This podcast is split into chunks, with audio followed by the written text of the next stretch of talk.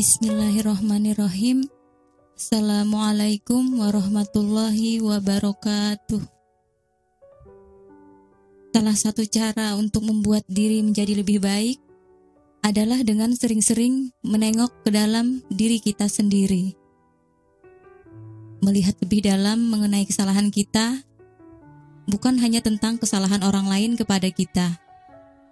Karena terlalu sibuk mengurusi aib orang lain, kita sering tidak menyadari aib sendiri, dan itu sangat fatal akibatnya.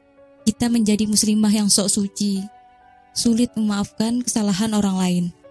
Bahkan terparah, kita jadi susah membenahi kesalahan diri sendiri karena merasa nggak ada yang salah dengan diri kita. Dalam Quran Surah Al-Hasr ayat 18-19, Allah Ta'ala berfirman, Hai orang-orang yang beriman, Bertakwalah kepada Allah dan hendaklah setiap diri memperhatikan apa yang telah diperbuatnya untuk hari esok akhirat.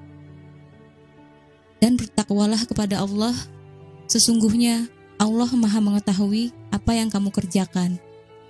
Dan janganlah kamu seperti orang-orang yang lupa kepada Allah, lalu Allah menjadikan mereka lupa kepada mereka sendiri. Mereka itulah orang-orang yang fasik. Allah memerintahkan kita supaya senantiasa introspeksi diri, tidak terlena pada amal kita. Secara pasti, kita sangat paham bahwa di dunia ini memang tidak ada manusia yang suci dari dosa.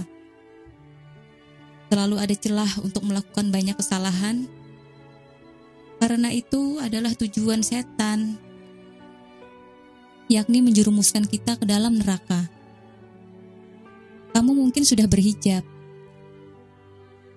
Apakah hijab yang kamu kenakan sudah sesuai dengan fungsinya?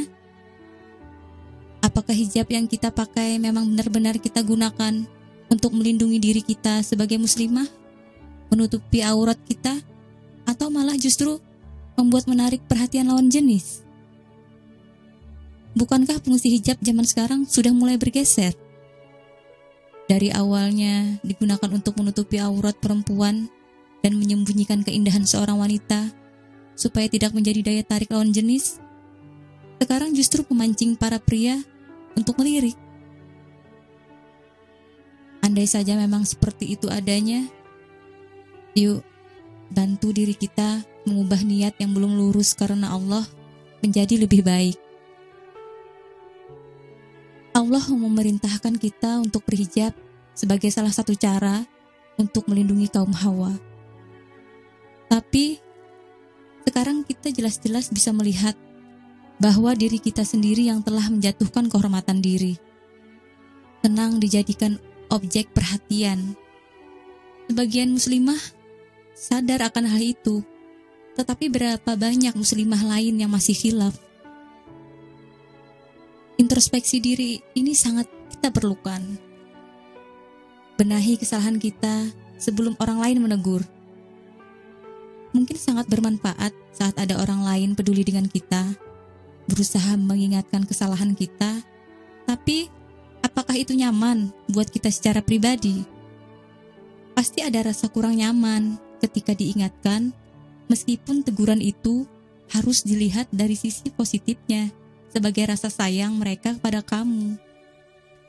Daripada ujung-ujungnya jadi rasa kurang nyaman, bukankah lebih baik kamu segera membenahi kesalahanmu sendiri sebelum ditegur oleh orang lain?